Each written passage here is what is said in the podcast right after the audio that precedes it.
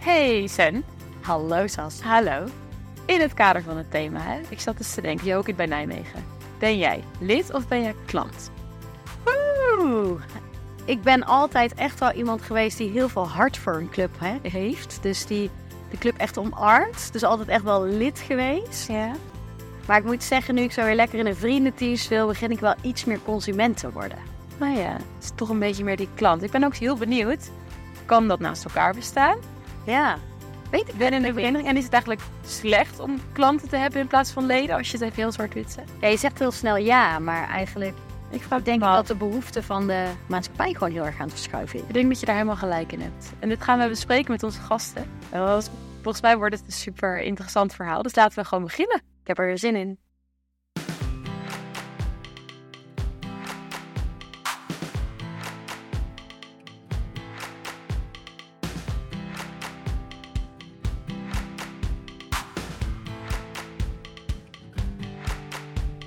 Hallo allemaal, welkom bij Potje Rookie, de podcast van de KNB. En vooral welkom bij de vijfde aflevering van onze speciale feestelijke editie in het kader van het 125-jarig bestaan van de KNB. In deze podcastserie kijken we tien maanden lang naar verschillende thema's die een rol spelen in de hockeysport. Hierbij kijken we naar het verleden, het heden, maar zeker ook vooruit naar de toekomst. Ik ben Sascha van Welbaken en samen met Senna Bombach nemen wij je mee in de historie van Nederland Hockeyland. En het thema van deze aflevering is van verenigingsgevoel naar consumentisme. Want als we het hebben over 125 jaar hockey, dan zien we dat het verenigingsleven verandert. Daar waar het vroeger vanzelfsprekend was dat ieder lid zijn bijdrage leverde aan de vereniging, lijkt het tegenwoordig soms moeilijker om iets terug te kunnen verwachten. Klopt het dat sporters en ouders soms liever klanten dan leden zijn? En is dat toenemende consumentisme iets negatiefs of biedt het juist ook kansen voor verenigingen? En zo ja, op welke manier dan? Nou, over deze ontwikkelingen gaan we vandaag in gesprek met Wolf Martens, onze collega en manager vereniging en hockeyers bij de KNB. En met Robert-Jan Schumacher, directeur dienstverlening bij de KNLTB, de Tennisbond. We zijn heel benieuwd hoe jullie naar deze ontwikkelingen kijken, wat jullie in je eigen sport zien gebeuren en waar volgens jullie eh, de kansen liggen. Maar voordat we echt de diepte ingaan, eh, zou ik jullie willen vragen om jezelf wat uitgebreider voor te stellen aan onze luisteraars. Rolf, zou jij willen beginnen? Ja, uiteraard, dankjewel. Ehm mijn naam is Rolf Martens. Ehm woon samen met Maartje in Rosmalen, heb drie kinderen. Mijntje, Lief en Pijken. Heb mijn hele leven lang gehockeyd, van kleins af aan. Ging het liefst met een kratje ballen naar het hockeyveld. En soms sloten de mensen aan, soms niet. Maar ik vond het heerlijk om een kratje ballen op goal te schieten. Ehm heb altijd veel gesport. En ook veel gehockeyd, maar nu niet. Dus eh, nu kun je me nog verleiden voor een flexaanbod. Maar structureel die zondag is op dit moment iets te veel. Ehm, heb vroeger ook veel gebasketbald op pleintjes. Wat ik heel leuk vond. NBA Action kijken op vrijdagavond. En dan eh, proberen na te doen. Lukte meestal net niet.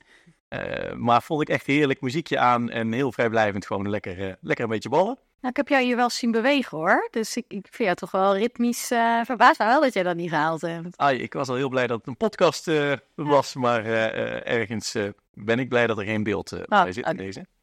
Kunnen we opzoeken. Kunnen we opzoeken. ja, heel goed zoeken. Ehm, en ja, en ik ben natuurlijk vanuit de Hockeybond verantwoordelijk voor het team vereniging en hockeyers. En dat is een team aan de ene kant die verantwoordelijk is voor de, eh, het advies, dus strategisch en beleidsadvies. Dus met de verenigingsadviseurs onder andere. Eh, maar ook advies op het gebied van veiligheid, integriteit, eh, inclusie, diversiteit, eh paarhockey. Ehm, en aan de andere kant eigenlijk de doelgroep-eigenaren. Dus boven 18 en onder 18, waar we eigenlijk het huidige aanbod monitoren en kijken of er nieuw aanbod gecreëerd kan worden. Dus echt bezig met innovatie. En een mooi voorbeeld daarvan is Hockey Fives. Wat eh Boukje nu aan het organiseren is en waar we een tour maken Ja. door... eh, Gaan we het nog wel meer over hebben en- in deze aflevering. Maar ik had even een vraag. Want als we je dan kunnen verleiden met een flexibel aanbod. Ja. Lid of klant? Lid of klant? Ik denk dat ik eh, eh, dan klant ben. Oh. En eh, ik, kan, ik kan hem zo toelichten waarom. Nee. Robert-Jan, zou jij jezelf willen voorstellen? Eh, ja, ik ben eh, Robert-Jan Schumacher. Ik ben 48 jaar. Ik ben directeur dienstverlening van de, van de KNLTB.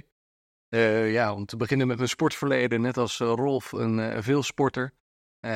Wel een tennisser in hart en nieren, maar eigenlijk alle balsporten op een moment in mijn leven, tenminste de, de meest bekende balsporten wel geprobeerd, behalve hockey, moet ik helaas bekennen. Het is niet erg. Hoe Maar tennis, veel voetbal, zaalvoetbal, padel, squash, uh, tegenwoordig zelfs golf erbij uh, aan het doen. En nou ja, als ik dan nog tijd over heb, dan doe ik een stukje hardlopen en wat fietsen. Dus eh, de agenda zit heel erg vol met, eh, met sport. Eh, en gelukkig is, ja, mag ik mijn werk ook in sport doen. Ik ben begonnen als sportjournalist. Ik heb de eerste 10, 15 jaar van mijn, van mijn loopbaan bij een bedrijf in sportdata gewerkt. Ik ben de hele wereld ook geweest naar de meest mooie evenementen. En alle sporten van dichtbij mogen zien en verslaan. Ook het hockey dan? Daar Daar- wel wat hockey, ja. ja. Dus dat was, eh, was echt eh, ja, een, een fantastische baan voor een, een beginnende Ja. eh, 25-jarige sportenthousiast. En van daaruit heb ik me heel mooi kunnen ontwikkelen. En uiteindelijk de overstap gemaakt een jaar of tien geleden naar de KNLTB, de Tennisbond. En daar kon ik mijn achtergrond in communicatie eh, heel goed eh, met, eh, met mijn passie voor tennis verbinden. Want daar werd ik hoofdcommunicatie. En de afgelopen zes jaar zit ik in directie van de KNLTB. Ik ben directeur dienstverlening en ik ben in die hoedanigheid verantwoordelijk voor alle dienstverlening richting onze spelers. Dus zowel klanten als leden. eh, en onze aanbieders. En dat zijn veelal verenigingen, maar steeds vaker ook de commerciële centra. Ja. En dat is mijn, eh, dat is mijn verantwoordelijkheid nu. Mooi. Veel interessante mensen. Absoluut. eh, ja, ja, Ja. dankjewel dat je er bent. Gaan we naar de prijsvraag, denk ik. De prijsvraag, ja. Want eh, ja, Rolf die kan al niet wachten, want die mag het bekendmaken. Ik zag hem mooi stappen. We hadden natuurlijk een prijsvraag. En de, de vraag was waar, waar de naam Ringpaas eigenlijk vandaan komt. Wil je een groepje wagen toevallig? Ja, net uitgelegd dat ik nooit gehockeyd heb. Nee, ik dacht misschien ben je het als journalist wel tegengekomen. En, eh, Nee, helaas. Nou, op basis eh, van de inzendingen kunnen we in ieder geval stellen dat iedereen het goed had die, eh, die het heeft ingezonden. Dus we hebben gewoon een loodje getrokken. Eh, het antwoord is natuurlijk dat je vroeger moest de kromming van een hockeystick door de scheidsrechter goedgekeurd worden. Dus die werd door een ring gehaald. Ik zie Rolf al krikken, knikken. Je had zo'n ring ook thuis, toch? Ik Ja, haalde jij verschillende kleuren. Ja, verschillende kleuren. Dus elke goedgekeurde hockeystick, die kon die ring eigenlijk passeren. En dan was hij toegestaan op het veld. En wat je dit keer kon winnen was twee kaartjes voor de Pro League. Super gaaf, in juni. En wie is de gelukkige winnaar? Jij mag nu je special effect inzetten om die envelop te openen, omdat we het op een blaadje hebben staan. Ja, ik, eh, ik, ben hele creatief stempel erin gezet. Maar Ja, ja. Ik weet hoeveel zijdig je bent, dus... oké, ik heb hier de winnaar. Dus ik eh, ga het voorlezen. Het is Suzanne Muster, als ik het goed uitspreek. En eh, zij is degene die eh, winnaar is van deze prijsvraag. En die wij hopen te zien op de tribunes daar. We gaan Absoluut. de, ja, zeker. Gefeliciteerd. En we gaan de kaartjes naar je opsturen. En aan het eind hebben wij natuurlijk weer een nieuwe prijsvraag. En Sas, wat kun je dit keer winnen? Een goodie bag van Adidas. En dat wordt een, eh, waarschijnlijk een mooie sporttas die jouw kant op. Gevuld. Gevuld, dat wel gezegd, ja. Nou goed, mooi. Ja, gaan we zien aan het einde van de aflevering. Yes. En dan gaan we zoals altijd weer in twee kwarten, dus in twee keer 17,5 minuut in gesprek. Met tussendoor natuurlijk de rust en na afloop de shootout en natuurlijk de prijsvraag van deze aflevering. Dus ik zou zeggen, laten we snel beginnen. Ja, de titel van de aflevering is eh, Van verenigingsgevoel naar consumentisme. Dat eh, kun je natuurlijk een vraagteken achter zetten. Gaan we denk ik ook zo uitgebreid bespreken. Want wat gebeurt dat nou eigenlijk? Maar misschien voordat we daar echt over gaan hebben, de vraag: wat is consumentisme eigenlijk volgens jullie? Kunnen jullie dat onder woorden brengen? Dan kijken ze elkaar aan. Ja, nee, dat is een term die wij eh, bij de Tennisbond ook heel vaak gebruiken. hè, En ook in de, de verenigingsleer eh, kom je hem vaak, vaak tegen. En wat wij daaronder verstaan is dat de leden zich meer als klant, als consument gaan gedragen. En wij hebben dat, proberen dat vaak ook in eh, gesprekken met verenigingen uit te leggen. Kijk, een lid is onderdeel van een vereniging en draagt ergens aan bij. En vindt dat ook heel vanzelfsprekend en normaal. Terwijl een klant een product afneemt. Daar zit een heel groot verschil in. En het is precies dat verschil in gedrag, Hm. wat op verenigingsniveau af en toe kan schuren als je daar geen beleid op maakt. Dus het verschil tussen ergens aan bijdragen of een product afnemen, daar zit voor mij de kern van het consumentisme. Ja, mooi uitgelegd. Herkenbaar voor jou, Rolf? Ja, en heel vaak zit er een negatieve lading aan consumentisme. Terwijl ik juist denk dat eh eh, ook consumentisme in één profiel kan zitten. eh, gekoppeld aan iemand die altijd een verenigingsdier is geweest. Dus ik pak even mezelf als voorbeeld. Ik heb vroeger altijd gehockeyd. Ik heb altijd training gegeven, bardienst gedraaid, et cetera. Alleen er komt een moment in je leven dat je gewoon eventjes iets drukker bent. En als je dan iemand tijdelijk laat consumeren, dan kun je iemand voor een leven lang denk ik beter behouden. Want op het moment dat je die kans niet biedt, dan ben je iemand kwijt. En probeer iemand dan maar eens binnen ja, terug te winnen. Dus dat is een hele lastige. Dus ik vind consumentisme, ehm, eh, dit gaf je ook niet aan, overigens, maar ik vind geen negatieve lading. Eh, het is gewoon een uitdaging om die ook op een korte termijn ja, te binden aan je vereniging. En dan even terug, hè. die titel is dus van verenigingsgevoel naar consumentisme. En daarmee suggereren we een, een verandering in de samenleving eigenlijk. Ehm, maar ik wil me eigenlijk met een vraagteken stellen aan jullie. Zien jullie dit gebeuren of gebeurt er iets heel anders? Ik denk dat, dat je het eh, wel degelijk ziet gebeuren. Ik bedoel, eh, de vereniging zit midden in de samenleving. En als je kijkt naar de samenleving, dan zie je een aantal trends en ontwikkelingen. Uh, kijk naar individualisering, consumentisme, flexibilisering. denk ook aan de andere generaties die nu aan zet zijn. En ehm, ja, dat vraagt ook een andere aanpak. En ehm, wat ik net ook aangaf, ik denk dat, dat, dat het lastig is, want dat, dat, dat strijdt een beetje tegen, um, tegen continuïteit binnen een vereniging. Maar ik denk dat het juist een uitdaging is om uh, te kijken, ja, welke behoefte is er nou daadwerkelijk en kan ik mensen niet alleen in, in het aanbod, uh, hockey in dit geval, maar ook misschien in je vrijwilligerstaken, kun je die ook niet op een andere manier inrichten, zodat, dat, uh, zodat je tijdelijk je committeert aan iets aan een project bijvoorbeeld, ja. en niet structureel aan twee, drie weekenddagen. Ja, wat dus wel bijdraagt aan een bijdrage leveren aan de vereniging. Ja, en ik denk dat daar dat iedereen nog steeds wel een bijdrage wil leveren. Maar ik denk als er iemand aan de deur staat, dan ben ik graag bereid om daar een bijdrage te leveren. Alleen als iemand zegt, ja, wil je lid worden of wil je een abonnement afnemen, dan begin ik al een beetje te wankelen. Dus um, dat stukje zie je natuurlijk ook terug. Het on-demand, uh, en dat biedt ook kansen, want als je het gevoel van vrijheid biedt, ja. dan uh, kun je ook uh, om het dan ook heel commercieel te maken. Want hoe zie, hoe zie jij dat, Robert-Jan? Denk je, want wij bij Stellen natuurlijk eigenlijk stellen, zeggen van verenigingsgevoel naar consumentisme. Is het beide mogelijk? Is een verenigingsleven mogelijk met alleen maar consumenten? Uh, op een bepaalde manier denk ik wel. Het zal een andere vereniging zijn dan het traditionele verenigingsmodel. Mm -hmm. Maar beide kunnen nog wel voldoende intrinsieke eigenschappen van een vereniging in zich hebben om als vereniging door het leven te gaan. Alleen anders georganiseerd. En ik, ja, ik herken heel erg wat, uh, wat Rolf zegt. En ik denk, jullie vieren dit jaar je 125-jarig uh, jubileum. wij ook? Ja, ik word ja, net als Maar je wordt nu je handjes geschud. Ja, je hebt de taart uitgedeeld. Je wordt niet 125 jaar zonder te veranderen. Hè? Uh, en, en als je, wij, wij gebruiken dit jaar ook om echt terug te kijken. Hè? Je, je kan je toekomst alleen kennen als je je verleden kent. Daar geloof ja. ik ook echt in. Dus we kijken ook echt terug hoe wij de afgelopen jaren uh, en de afgelopen 125 jaar zijn veranderd. En het is best wel ongemerkt gegaan. Maar als je ons als bond nu vergelijkt met 125 jaar geleden. Toen waren we monopolist, de enige aanbieder op het gebied van tennis in Nederland. Als jij wilde tennissen, moest je langs ja, de bond, moest je lid worden en bij een vereniging. Ja, dat is inmiddels al helemaal niet meer zo. En uh, door de jaren heen hebben we ons steeds tijdig aangepast. Soms een kleine aanpassing, soms een wat grotere aanpassing. Dat is de enige manier waarop je 125 jaar wordt als bond. Dus dat geldt ongetwijfeld voor jullie ook. En ik denk dat we op verenigingsniveau diezelfde verandering zien en gaan zien. De verenigingen die zich tijdig weten aan te passen. En dit is, dit is een fenomeen, dit is niet iets wat in de sport aan de hand is. Dit is iets wat in de maatschappij aan de hand is.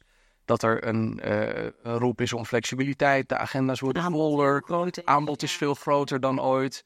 Dus dat, er een, dat verenigingen daarop inspelen, ja, daar ontkom je niet aan. En die verandering is niet per definitie slecht. En betekent ook niet per definitie dat je niet meer een vereniging bent. Nee, precies. Maar ik denk wel dat het, en dat is wat wij onze verenigingen mee proberen te geven. Onze rol is niet meer de monopolist, maar we willen wel onze verenigingen nu meer prikkelen om zelf hun eigen verandering te kiezen. Ja. En die verandering kan heel klein zijn. Dus we hebben ook nog steeds een paar verenigingen waar je in het wit de baan op moet. Vinden ze heel belangrijk, is, is onderdeel van hun identiteit. Kan ik van alles van vinden, maar als dat een businessmodel is wat ja. werkt, en wat voor de lange termijn nog, nog kan werken, dan is dat voor, voor hen de juiste keuze. We zien ook steeds meer clubs die uh, de kant van het consumentisme, die zich openstellen voor niet-leden, die een grotere rol maatschappelijk willen spelen. Ja, die veranderingen die proberen we zo goed mogelijk te stimuleren, vorm te geven. En dat gaat bijna nooit ten koste van de vereniging. Als het goed is, ja. versterkt het de vereniging. En misschien sowieso ook goed, denk ik, veel hockeyers zullen luisteren. Um, want volgens mij zit het in het tennis, is er ook al wel meer commercieel aanbod, denk ik, dan in het hockey. Kan je schetsen hoe dat, uh, ja. hoe dat eruit ziet bij jullie? Klopt. We hebben 650.000 leden inmiddels. Uh, en, en, tot voor kort was dat onze belangrijkste doelgroep. Wij waren een bond. We zijn er voor onze verenigingen. Die verenigingen hebben leden en die leden zijn ook lid van ons. Ja. Dat zijn er 650.000 in, dat is een getal. Ja. En 1650 verenigingen. Dus dat is een behoorlijk hoeveelheid verenigingen. Ook als ik het wel eens vergelijk met hockey. Maar dat betekent dat we hele kleine verenigingen hebben, maar ook hele grote verenigingen. Dus een wat grotere bandbreedte dan misschien bij hockey het geval is. Um, maar naast de 650.000 leden zijn er ook nog eens 350.000 à 400.000 mensen die vaak genoeg tennissen om relevant te zijn voor mij. Dus niet de mensen die één keer per jaar bij uh, de landal een, een, balletje slaan, maar echt die een contractbaantje hebben of die tien of twaalf keer per jaar ergens een baan huren. Ja. Ja. op basis van contributie, als je het puur gaat terugrekenen, had je dan beter lid kunnen zijn van de vereniging. Ja, precies. En toch kiezen die mensen ervoor om Ja. het niet in verenigingsverband te doen. Wat zijn hun motivaties, wat zijn hun drijfveren Ja. en hoe kunnen we daar dan op inspelen? En we zien dat die spelers eigenlijk tot voor kort uitsluitend bij commerciële centra een ding deden. Ja, ja. Dat, is de, dat zijn de, de aanbieders die voor die groep relevant waren.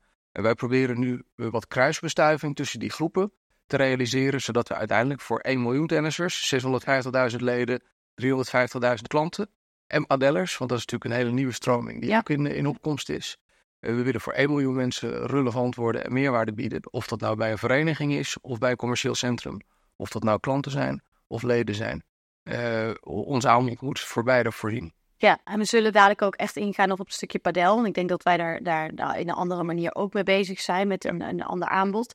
Maar herken je dit, Rolf? Een beetje dat, dat verhaal wat hij zegt. En kunnen wij daar iets van leren als hockey eh, zijnde? Nou, jaloersmakende cijfers, dus dat is, dat is één, denk ik. Ehm, maar wat, ik- wat ik eh, met name herken is dat de concurrentieveld veranderd is. Waar in het verleden concurreerde je tegen de lokale voetbalvereniging, of misschien de tennisvereniging, of eh, de lokale gymnastiekvereniging, is nu het concurrentieveld veranderd. En dat zorgt ook voor, nou, kijk even naar de commerciële partijen, die hebben een heel acquisitieapparaat. Ja.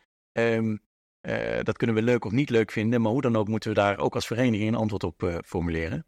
Ehm, maar niet alleen de commerciële partij, ook de ongebonden sporter eh, weet zichzelf te verbinden. Als je via een WhatsApp-groepje je vrienden uitnodigt om te gaan bootcampen, ehm, ja, is, zijn dat ook hele interessante dingen. En dan krijg je toch ook een teamgevoel. En daarvan denk ik, ja, je kunt heel wat kansen zien. waarom troosteloos bootcampen hier op een bedrijventerrein, als dat ook op een tennisvereniging of een hockeyvereniging kan.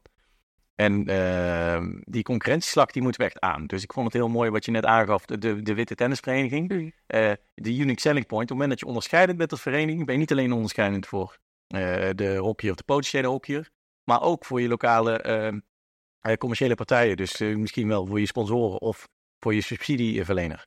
En ik denk dus dat daar ja, vooral heel veel mogelijkheden liggen. En dat we daar eh, ehm, zeker ook kunnen leren inderdaad van de tennis. En, en, en houden wij ons dan te krampachtig vast aan onze eigen sport? Dus, dus hoe zien jullie dat? Vind je dat je binnen je sport moet flexibel aanbod en, en ik noem maar van tennis naar padel, van hockey naar hockey vice?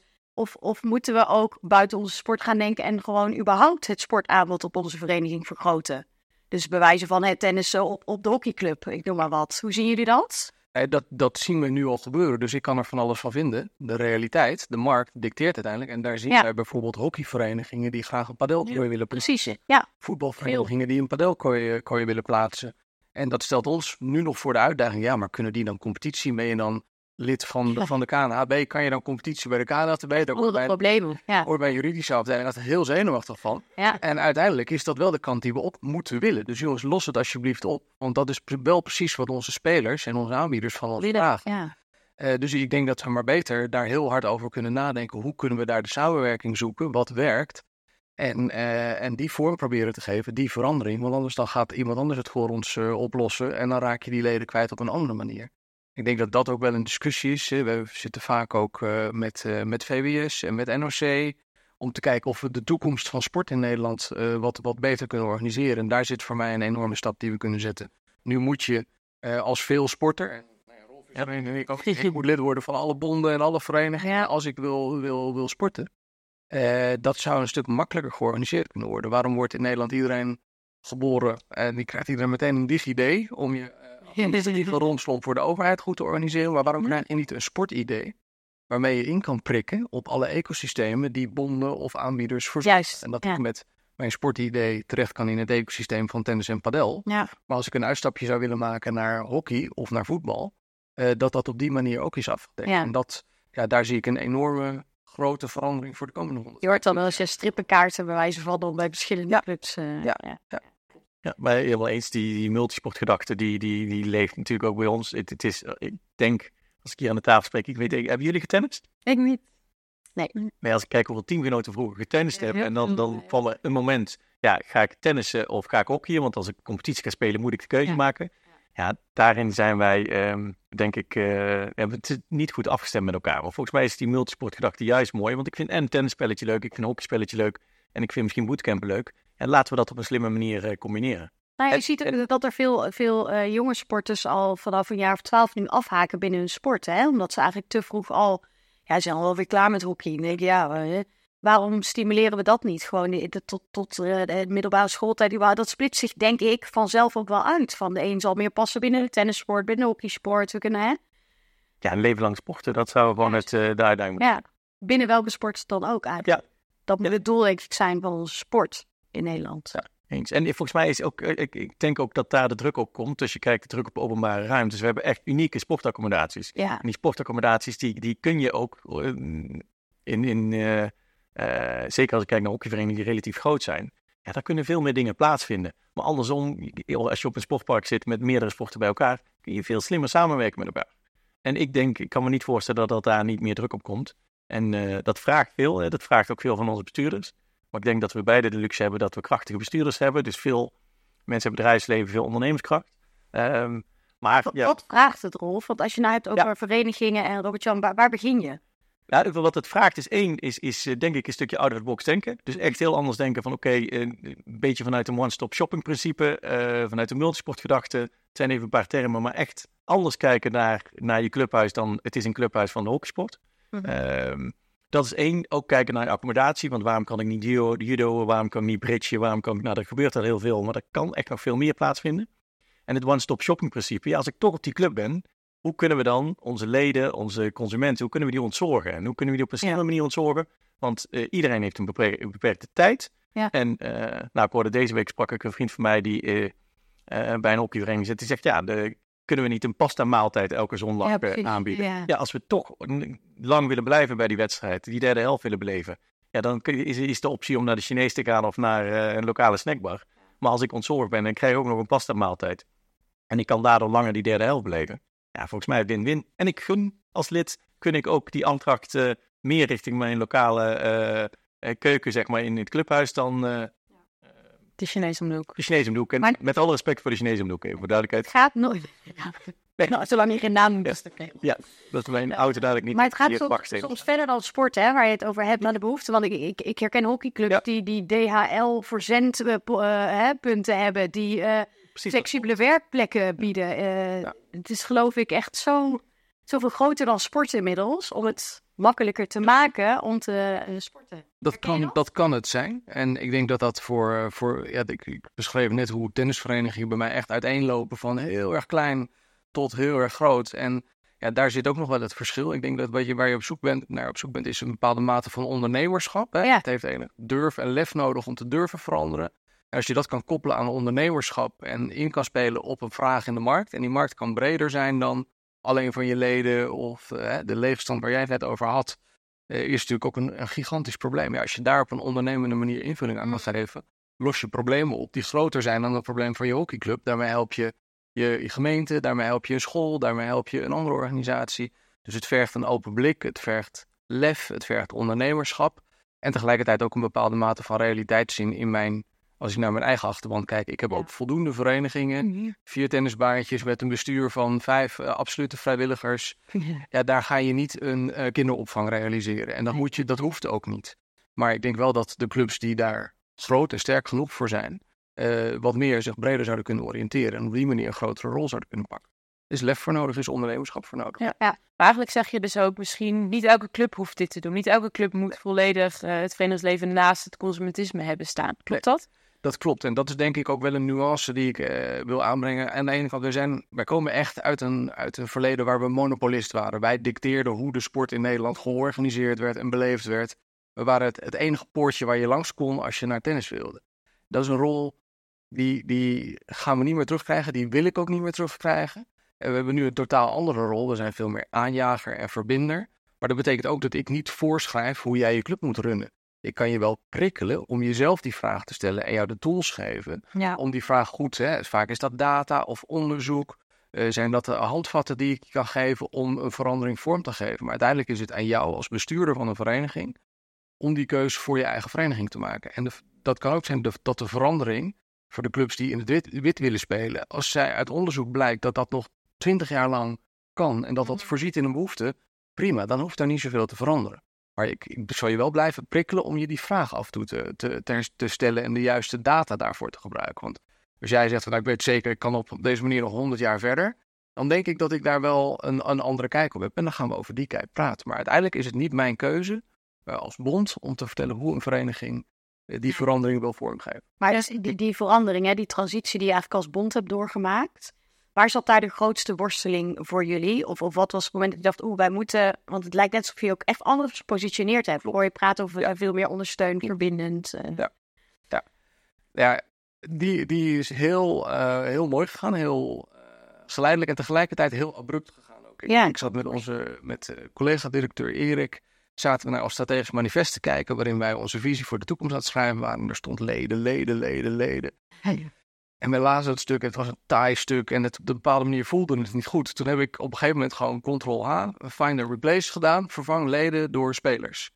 En ineens wordt dat stuk veel oh, makkelijker leesbaar. En hey, hey dat, nou, super kleine aanpassing mega grote gevolgen. Want ineens ben je niet meer een ledenorganisatie, maar je bent er voor het belang van spelers. Je bent er dus niet alleen meer voor verenigingen, je bent er ook voor die andere groep spelers. En als je die bril afzet voor je leden en spelers daarop zet, dan gaat de wereld er ineens best wel anders uitzien. En dan worden keuzes en samenwerkingsverbanden tussen verenigingen en commerciële centra, tussen bonden onderling. Jongens, het gaat over spelers. Uiteindelijk bepaalt de speler, niet alleen het lid of niet alleen de klant, maar de speler bepaalt hoe die sport het best georganiseerd kan worden. En onze rol als bond, als wij zeggen wij zijn de belangenbehartiger voor die sport en voor die sporters, ja, dan heb ik me daaraan aan te passen. Ja. En niet andersom. Van wij bepalen naar zij bepalen. Absoluut. Toch? Ja. Uh, ik zie Rolf knikken. Volgens mij is ja. herkenbaar voor wat er, uh, wat er bij de hockeysport ook gebeurt. Maar we gaan hem wel pas in het tweede kwart bespreken. Want uh, ik ga op mijn fluitje blazen. We gaan er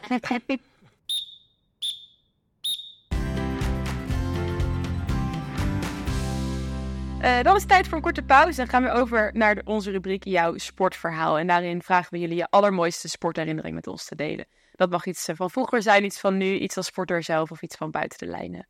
Wat je maar wil delen. Dus uh, Rolf, uh, wil jij beginnen? Ja, ik wil zeker beginnen. Ik zat te twijfelen tussen meerdere opties. En dit is wellicht niet de juiste keuze, maar daar komen we vanzelf achter. um, ik heb vroeger bij EMC gespeeld. Inmiddels gefuseerd met Oranje Zwart. En wij moesten een oefenwedstrijd of een demonstratiewedstrijd spelen voor een hockeyclub Mil. En daar werd een kunstveld geopend.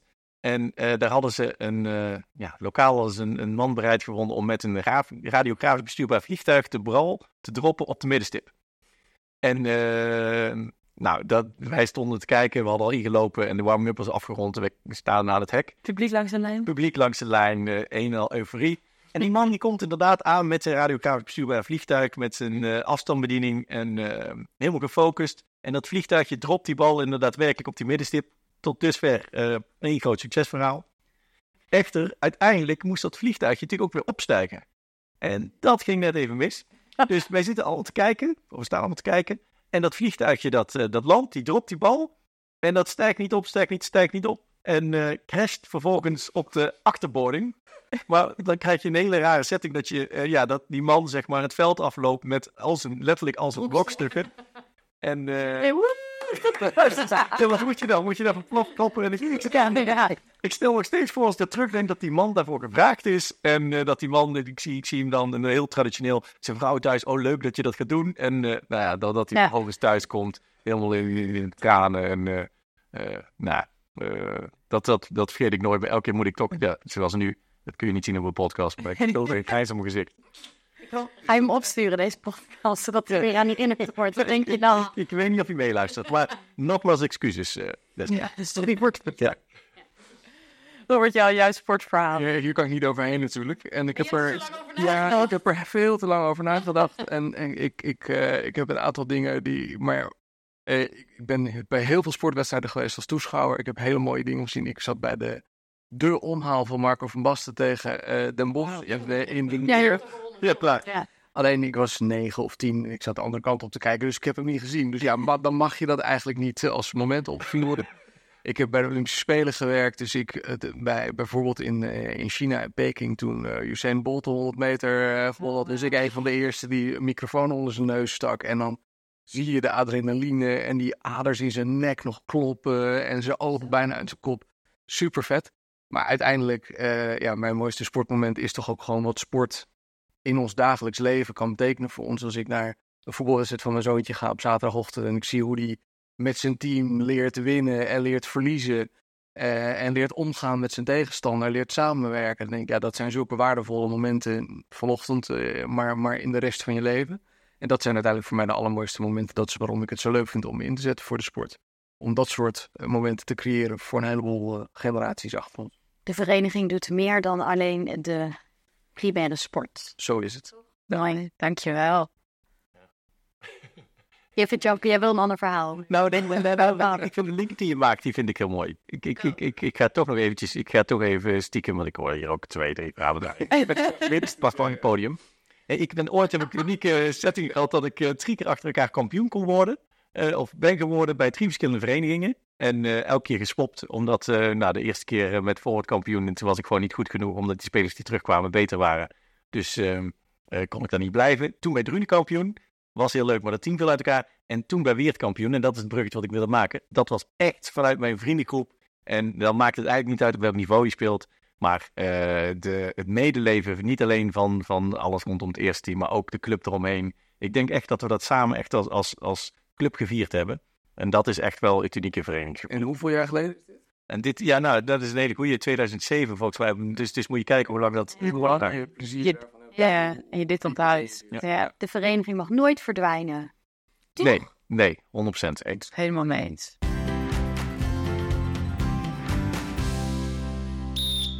Uh, ja, Rolf, Robert Jan vertelde net mooi over de verandering die eigenlijk uh, bij de Tennisbond heeft plaatsgevonden. Uh, meer van leden naar spelers kijken. Ik zag jou knikken en volgens mij kon je niet wachten om te reageren. Dus, ja, dat is een paar dingen. Ik heb ook vooral ook een vraag. Maar even e-, één stap terug is dat, nou, wij als hockeysport natuurlijk ook kijken naar de hockeyer zelf. Dus de actieve hockeyer, hoe krijg je die in beweging? En eigenlijk bij alles wat we organiseren, het aanbod wat we creëren, als dat goed valt bij de hockeyer zelf, dan profiteert uiteindelijk die vereniging daar het meest van. Dus um, dat is echt wel een denkwijze die we uh, inmiddels ingezien hebben. Daarom ook hockeyvereniging en hockeyers als, als naam.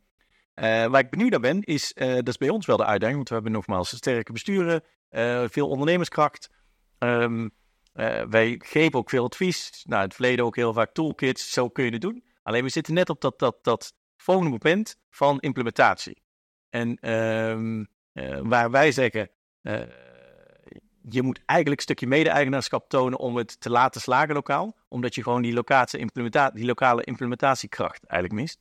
Zie je dat bij tennis ook? Of, of kun je inderdaad, uh, inderdaad adviseren en dan loslaten en dan wordt er iets georganiseerd?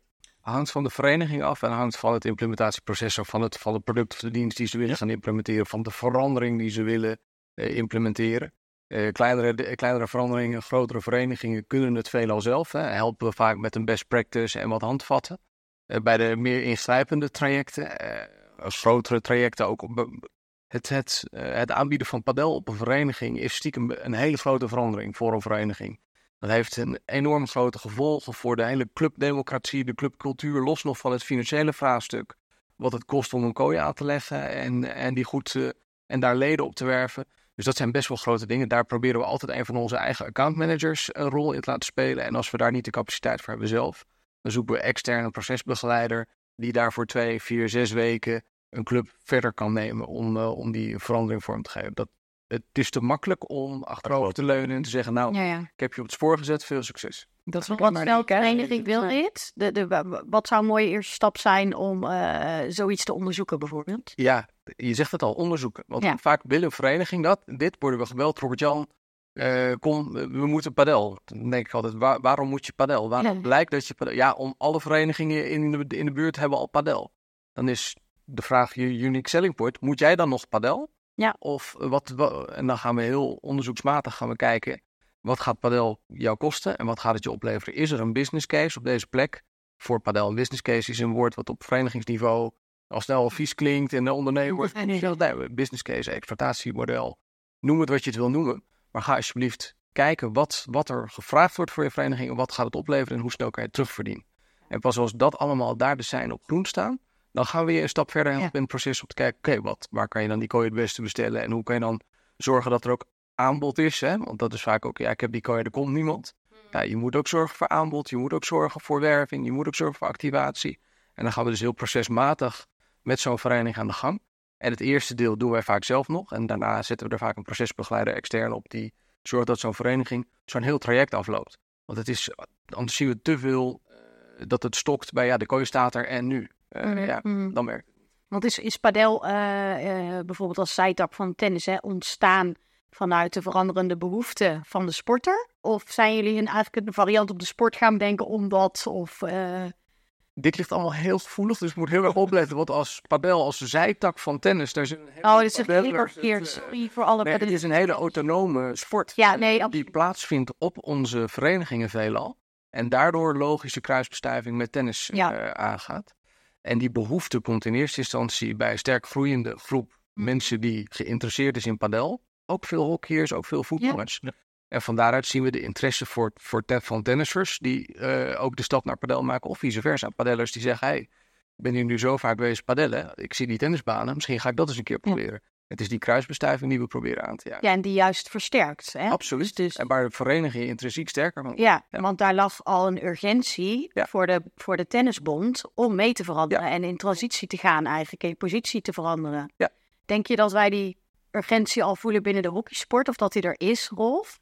Um, nou, ik denk dat die urgentie, dat de urgentiebesef, en dan geef ik vooral even de credits aan, uh, aan Sascha hier tegenover, met name wat ze bij het Nationaal Congres gedaan heeft, om, om gewoon echt even te delen uh, waar de pijn zit. Ja. En uh, zowel vanuit pijn als al ambitie, als wij een goede ambitie hebben, dan, dan um, uh, moeten we echt anders kijken naar de beweegredenen waarom iemand sport. Mm -hmm. En ik denk dat we nu, los van de goede ambitie, vooral moeten kijken hoe we de pijn kunnen oplossen en daar een medicijn op moeten bedenken. Um, als je kijkt, en ik denk dat het in 2017 was, hebben wij twee mannen van Disney op het podium gehad. En toen spraken wij over klantbeleving. Dat was echt nog een stap te vroeg. Uh, waarin nu eigenlijk uh, ja, nou, iedereen uh, eigenlijk helemaal beseft dat je ook meer klanten op je vereniging hebt. En het interessante daarvan is, is dat je dus ook een hele andere toon hebt. Dus je hebt, ik geef altijd het voorbeeld, ehm, ik heb een zoontje die zit op zwemles. En in datzelfde zwembad kun je, heb je een commerciële partij en een verenigingsaanbod. Hij zit toevallig bij, de verenigings, bij het verenigingsaanbod. Uh, was eigenlijk puur uh, budget gerelateerd. Zij kon een pakket bieden, dus dat nam ik af. Maar je ziet echt heel duidelijk verschil. Want bij de een krijg ik, wil je een zwemmen afnemen, dan krijg je er een tas bij. En bij de ander, leuk dat je lid wordt, weet dat er een paasom bij is. Ja, ja, ja. Dus het is een hele andere tone of voice, terwijl ik een soort van gelijk product afneem als, als ontvanger. Dus het is afhankelijk van, van ja, hoe je binnenkomt. En je kunt dus ook niet die beide doelgroepen met één tone of voice bereiken. En dat, dat is denk ik wel, je kunt wel in één keer flexibel willen zijn of meer uh, commercieel willen zijn. Maar dat moet je dan ook uh, aanpassen in, in je aanbod en ook in de tone of voice van je aanbod. Nou zijn er denk ik heel veel hockeyverenigingen die dit zullen herkennen, dat beide groepen er zijn, maar die ook denken, ja, gaan we dan volledig op één groep focussen? Of kan ik het naast elkaar doen binnen één vereniging? Hoe kijk je daarnaar? Ja, ik, ik denk, uh, en dat het is ook met het, nieuwe bindingsmodel wat we uh, geïntroduceerd hebben, is dat je juist met behoud van de huidige groep um, een flexibele schil eromheen kunt creëren. En het voorbeeld wat ik in het begin gaf, is dat je, uh, ik ben altijd verenigingslid geweest, je kunt mij tijdelijk vangen door me te laten consumeren. Dus nu doe ik misschien af en toe een potje mee. Um, en betaal ik er niet voor wat, je nu, uh, wat nu plaatsvindt. Overigens, ik zelf niet, maar uh, ik weet dat het gebeurt. Uh, terwijl als iemand mee wil spelen en is daar ook nog, daardoor ook nog lid bij de hockeybond, is daarmee verzekerd en valt ermee helemaal terugrecht, dan is het een veel vertrouwder iets. En als ik dat een paar keer doe, ja, dan, dan kom je alweer even in de showroom. Eigenlijk wat je net zegt, vanuit padel naar tennis. Toch in die showroom komen en zien dat daar tennis plaatsvindt. Dan is de kans veel groter dat ik ga tennissen dan wanneer ik iemand zeg, nee, wij zijn een vereniging, alleen maar leden uh, consumeren, consumeren kan bij ons ja, ja. ja, dan word ik verleid. Nou, ik denk in coronatijd wat veel gebeurd is. Nou, dan ga ik wel uh, mijn rondjes hardlopen of um, ik ga wel zelf bootcampen. Ja. Dus het, het, het, tijdelijk vangen is, is denk ik echt wel key. En daarmee dus ook die flexibele skill rondom je huidige leden. Ja, dus het, dus het vergroot dan de kans dat je daar... En zij, zij denken aan jouw behoeftes, zij spelen op jouw behoeftes. En uh, de kans dat jij dan later weer wat terug wil doen is dan veel groter. Dan wat je nu denk ik ook op, ik weet niet hoe dat bij de tennis is hoor, maar soms zien wij dat ook bij hockeyclubs van, hé, hey, je wordt lid, wat wil je doen? En dan moet je iets aankruisen. Ja, ja. En je, je, moet nu ook een rol spelen, want je moet een bijdrage leveren aan de vereniging. We snappen allemaal de gedachten, want er is gebrek aan vrijwilligers.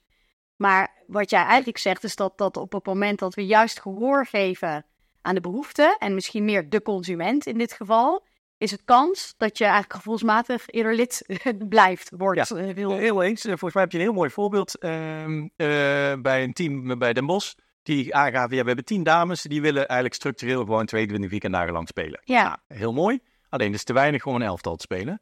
En ze hebben ook nog een flexibele schil van zes dames die in het duo-lidmaatschap willen spelen. Mhm. Nou, daarmee heb je die flexibele schil die ervoor zorgt dat die tien dames structureel kunnen blijven hokje, elk weekend lang. En die zes dames, die heb je ook behouden. Waardoor je eh, eigenlijk aan twee kanten eh, volziet in de behoefte. En dan, ehm, ja, dan heb je die win-win. Dan heb je eigenlijk die, die, ik noem het even traditionele skill. ge- eh, of de traditionele Mhm. pool gekoppeld aan die eh, flexibele skill. Want je, je zegt wel een belangrijk punt, denk ik. En die hoorde ik jou eigenlijk ook al maken. Vaak is dan het probleem, ja, hoe regelen we dan de competitie? En hoe krijgen we dat georganiseerd? Is competitie nog heel belangrijk?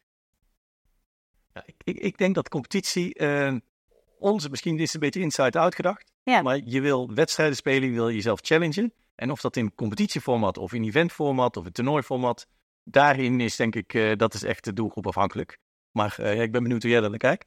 Ja, bij ons is eh, competitie en, en wedstrijden spelen minder vanzelfsprekend dan dat bij een heleboel andere sporten is. Je wordt lid van een hockeyvereniging omdat je trainen en wedstrijden wil doen.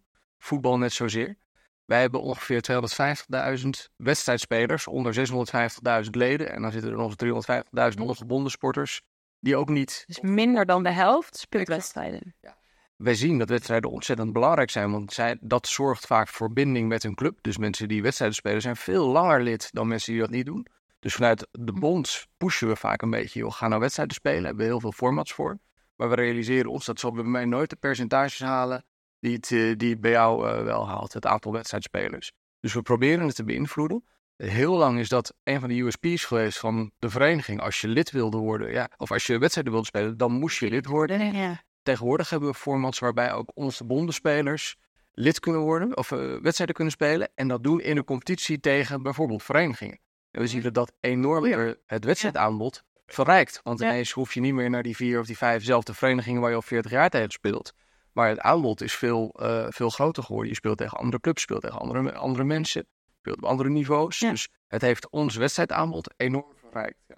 Ja, dat is eigenlijk wat er natuurlijk bij het hockey eigenlijk ook gebeurt met dat je nu via het Flex-platform Ja. kan inschrijven, niet meer bij een vereniging lid bent. En dus misschien lopen we er net een beetje achteraan, maar gebeurt er in het hockey nu hetzelfde, klopt dat? Ja, nee, eh, zeker. En, eh, en eh, wat ik hoor bij tennis, wat ik mooi vind, ook bijvoorbeeld de zomercompetitie of de zomeravondcompetitie. Ja. Als je een blok afneemt, ehm, en ik vind dat leuk, dan ben ik uiteraard eh, ontvankelijk om nog een keer een blok af te nemen. En daar zit ook kans in, want, want vier keer een blok afnemen levert een club ook meer op dan één keer een jaar. Ja. En dat is, is echt anders denken. En ik snap dat de vereniging onrustig wordt van, van continuïteit. Maar ehm, eh, ja, dit zijn denk ik unieke formats waar we alleen maar van eh, eh, ja, slim kunnen kopiëren. ik Ik denk wat je daar zegt, hè, dus dat vier keer apart een blok, dat dat uiteindelijk meer oplevert in financiële zin. Daar zit bij ons ook een hele grote kern van waarheid. Want wij zien verenigingen die ouderwet vasthouden aan het traditionele model alleen voor leden. Dat kan prima zijn. We zien verenigingen die helemaal de andere kant op gaan en alles over de boel van consumentisme. Via het Meet and Play, ons flex-platform als het ware. Maar daartussenin zitten ook een beetje de sweet spot. Verenigingen die en met leden, maar zich ook openstellen voor, voor, voor ongebonden spelers die meer willen betalen. Ja. En wat er gebeurt is de extra inkomsten van die ongebonden spelers kan weer in mindering op de contributie van de vaste leden. Ja. En daardoor eh, Ja. neem je leden enorm tegemoet en creëer je een, een business case die ontzettend, ontzettend positief kan Ja. zijn. Ja, dat is inderdaad namelijk wel de volgende, eigenlijk de vraag die we nog hebben. Ehm, op het moment dat je zegt, we doen eigenlijk alles veel commerciëler. Ehm, vaak huur je dan denk ik professionele krachten in, want het is niet meer zo dat die ouder training wil geven. Ehm, worden de budgetten dan niet ook veel hoger? Wordt het niet veel duurder om lid te worden? En krijg je dan niet een beetje een elite sport? Ja, dat risico voel ik heel erg. Hm. Dus eh, we zijn ergens heel erg voor eh, professionaliseren. Dat wordt ook steeds meer van ons gevraagd. Ja, je kan niet alles meer met vrijwilligers. Alleen ik ben altijd heel erg waakzaam dat dat nooit ten koste van de prijs van de sport mag gaan. En als je daar geen beleid op voert, hè, wat ik net schetste, van je laat de ongebondenen wat meer betalen, zodat de gebonden minder, dat is beleid voeren. Ja. En dan kan je het balanceren. Dan kan je degene die nog wel een bardiensten willen doen, kan je korten op een contributie. Want je weet dat de anderen het gaat, gaat dichtlopen en op die manier hou je het goed in balans. Ik denk wel dat daar beleid voor nodig is en dat het zonder beleid snel tot een verhoging van de prijs van sport kan geleiden. Ja. En is dat eh, volgens jou de taak van de bond, van de tennisbond in jullie geval? In ieder geval om daarin te sturen. Nogmaals, het kan ook de keuze van de vereniging zijn. Zeggen, joh, wij willen gewoon van dat hele gezeur af zijn. En wij, wij zitten eh, eh, demografisch op een plek waar mensen het zich kunnen permitteren, kunnen en willen permitteren. Prima, neem een, stel een verenigingsmanager aan en professionaliseer dat deel. Eh, besturen, blijf dat alsjeblieft wel met elkaar doen. Mhm. Maar het, het managen deel en het, het operationele deel kan je heel goed wegprofessionaliseren. Eh, als je als dat tegen een hoger tarief kan voor jouw leden, ja, dan is dat, is dat een prima keuze. Alleen in tennis gaat dat niet voor iedere vereniging lukken. Nee, precies. Rolf, ik zie jou Nee, je hebt, knikken. nee, wat, wat, wat net ook een beetje ter sprake kwam. Het is die lokale setting die bepaalt of iets werkt of niet werkt. Mhm. Eh, de bereidheid om ervoor te betalen. Ik denk ook aan de andere kant de bereidheid om... eh, ook daarin moeten we wellicht iets slimmer zijn. Is dat je, je kunt iemand vragen om een jaar lang training te geven. Maar als je iemand vraagt en je hebt heel vaak wel ergens een, een topper in je vereniging zitten.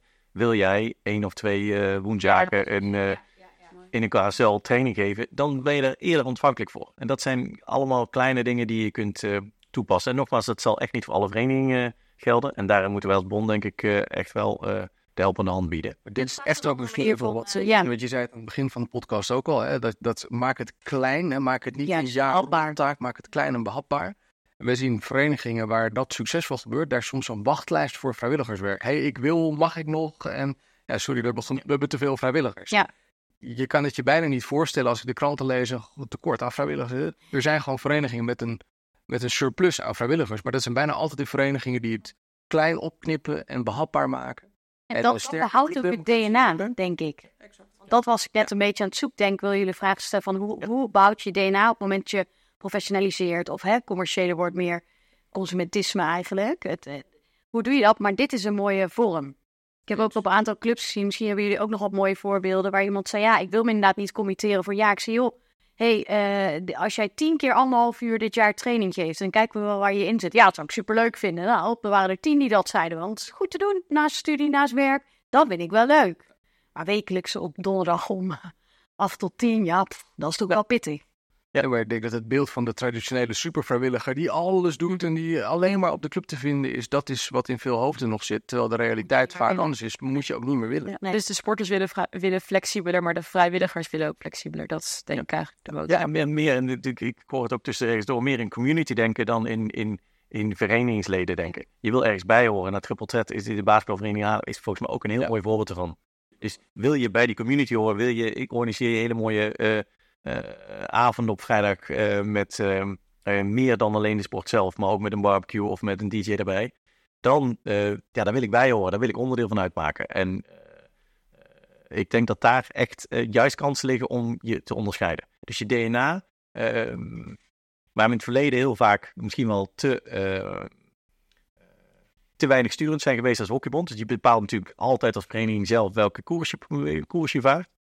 Maar ehm, als je drie verenigingen dicht in, bij elkaar in de buurt hebt, ja, dan konden wij zonder enig probleem aangeven, nou, ga alle drie op tophockey, of ga alle drie voor maatschappelijk impact, of ga alle drie voor Ja. eh, Mhm. eh, technisch kader. Terwijl als wij met de data, nou daar ben je echt specialist in, als wij met data naartoe komen en zeggen, nou oké, maar dit is de vijver, Mm, je- dit is kritische massa, er is maar één club die hier eh hoofdklas kan hockeyen en wellicht is het dan goed voor een andere vereniging om daar vanuit DNA, vanuit onderscheidend vermogen, juist te, te richten op maatschappelijk impact. Daar kunnen wij denk ik als, als, als hockeybond vanuit onze verenigingsadviseurs eh, nog stevig advies in geven. En dan blijft het aan de vereniging om daar, eh, Om even scannen, inspelen op de Ja. behoeftes. ja, lokale setting, dus Ja. die, die is echt, echt heel belangrijk. Nog een laatste vraag. We hebben nog ongeveer één minuut. Ik ben heel benieuwd hoe jullie nog naar de toekomst kijken. Wat staat ons te gebeuren? Ik denk dat deze veranderingen doorzetten en eh, dat de mate waarin clubs, eh, verenigingen bereid zijn en in staat zijn om zich aan te passen, gaan bepalend zijn voor het succes.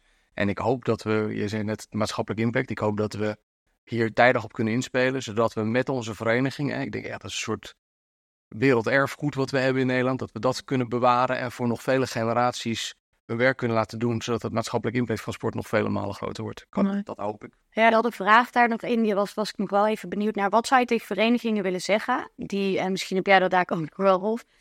Mensen zeggen dan, ja, oké, inspelen op. Ja, dat, dat is zoveel werk, weet je. Normaal voerde ik in Excel iets in en dan kwam er een schemaatje uit. kon zo de vereniging in, in, induwen. Dit vraagt ook meer. Wat, wat zou je tegen die vereniging willen zeggen? regeren eh, en dus ook besturen is vooruitzien. Dus kijk vooruit. En als je het niet zelf kan, vraag de bond om je daarbij te helpen. Luister naar je spelers, zet die spelers centraal. En ga mee in de verandering, want anders Bepaalt de de verandering eh, wie, wie jij gaat worden. Je wil daar in regie blijven. Rolf, nog heel kort jouw eh, toekomstvisie. Of wat je hoopt. Mag. Wat ik hoop, nou, ik, ik denk dat het verenigingsleven niet weggaat, maar dat het echt meer community ehm, building gaat zijn. Eh, ik denk dat mensen nog steeds bereid zijn, en dat zie je ook in de nieuwe generaties, dat die absoluut ook een bijdrage willen leveren. Dus ik ben niet zo bang voor eh, het, het, het, het weggaan van vrijwilligers en puur consumentisme. Ik denk alleen dat we het inderdaad slimmer met elkaar moeten inrichten. En dat kijken naar onze accommodaties, dat, dat je die echt anders moet aanvliegen en echt als ontmoetingsplek moet zien van de verschillende generaties door elkaar heen. En die moet je allemaal, ja, hoe in- ingewikkeld het ook klinkt, die moet je allemaal aanbod op maat kunnen bieden. Ja. Want anders, eh, ja, dan zijn we te veel on-demand gere- georganiseerd dat we eh, elders gaan shoppen. Dan wordt je toekomst bepaald, zoals Robert Ja. dan net Ja, nog veel. In van dat je hem zelf bepaalt. Mooie, mooie conclusie, denk ik. En volgens mij ook heel veel aandachtspunten waar verenigingen mee aan de slag kunnen. Dus eh dankjewel voor jullie input. Ja, dankjewel.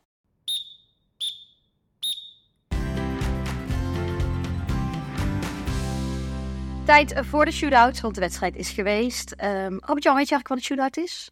Eh, ja, volgens mij eh, weet ik het. Je moet vanaf de driekwartlijn eh heb je acht seconden. Oh, 23 meter heb je acht seconden om, eh, om te scoren. Supergoed. Ik ben benieuwd of jij dat ook gaat doen vandaag. Ja, ja, gelijk. eh, de, meestal gaat de eerste keer meteen goed, dat geloof ik niet. Ehm, maar wat we eigenlijk vragen in de shootout is om jullie kernboodschap of iets wat je nog wil meegeven in acht seconden eh, aan onze luisteraars mee te geven. Wie wil er beginnen? Nou, la- laat, laat, eh, laat ik beginnen. Is dat heel onaardig? eh? Mike, jij bent bekend met shootouts? Ik, eh, nou, ik, ik, ik, ik nam vroeger strafballen. Maar ik denk dat ik een dramatische shootout nemer was. Want dan heb je gewoon te veel opties. Dus eh, een strafbal is dan eh, toch een stuk makkelijker. Nou, dan hoop ik dat je nu je boodschap gekozen hebt, anders dan red je het sowieso niet. Precies. nou, ik ga het, ga het proberen en eh, we gaan het zien. Nou, succes! Mijn shootout is denk out of the box, ga in gesprek met je leden en vooral ook ex-leden en benut de kansen van het laagdrempelige flexaanbod om mensen structureel aan je vereniging te verbinden. Stop zo. Ik tel hem. Precies acht seconden. Ja, Heel achter goed. de komma, dat geloven we dan wel. Precies. Precies. Ja, Robert-Jan, druk ligt erop. Oké. Nee, de rustig aan. Mm, Ik heb alle tijd hoor. Nee, dus ik zou zeggen voor alle bestuurders, toon lef en ondernemerschap en durf te veranderen. Nou, en dan als echte afsluiter hebben we natuurlijk nog de prijsvraag. En omdat Rolf zo blij werd van het bekendmaken van de vorige winnaar, vroeg hij, mag ik ook de vraag stellen? Ja, dat mag zeker. En dit keer kun je een mooie Adidas goodiebag eh winnen. En dan kan je je antwoord opsturen. Ik zal het hierna nog even herhalen, maar naar podcast.knhb.nl. Rolf, wat is de vraag? Ja, hier komt hij de prijsvraag. Wat is de oudste hockeyclub van Nederland en in welk jaar werd deze vereniging opgericht? Stuur je antwoord in naar podcast.knhb.nl en maak dus kans op die Adidas goodiebag. En dan maken wij in de volgende aflevering de winnaar bekend. Dus zorg dat je blijft luisteren. Daarmee zijn we alweer aan het einde gekomen van deze aflevering. Dankjewel voor het leuke gesprek, eh Rolf en Robert-Jan. Echt heel veel eh, van jullie gehoord. En ik denk en hoop dat ook heel veel verenigingsbestuurders dit luisteren. En geïns- geïnspireerd zijn om eh, met jullie inzichten aan de slag te gaan. Ehm, en natuurlijk aan al onze luisteraars. Dank voor het luisteren. En tot snel voor de volgende aflevering.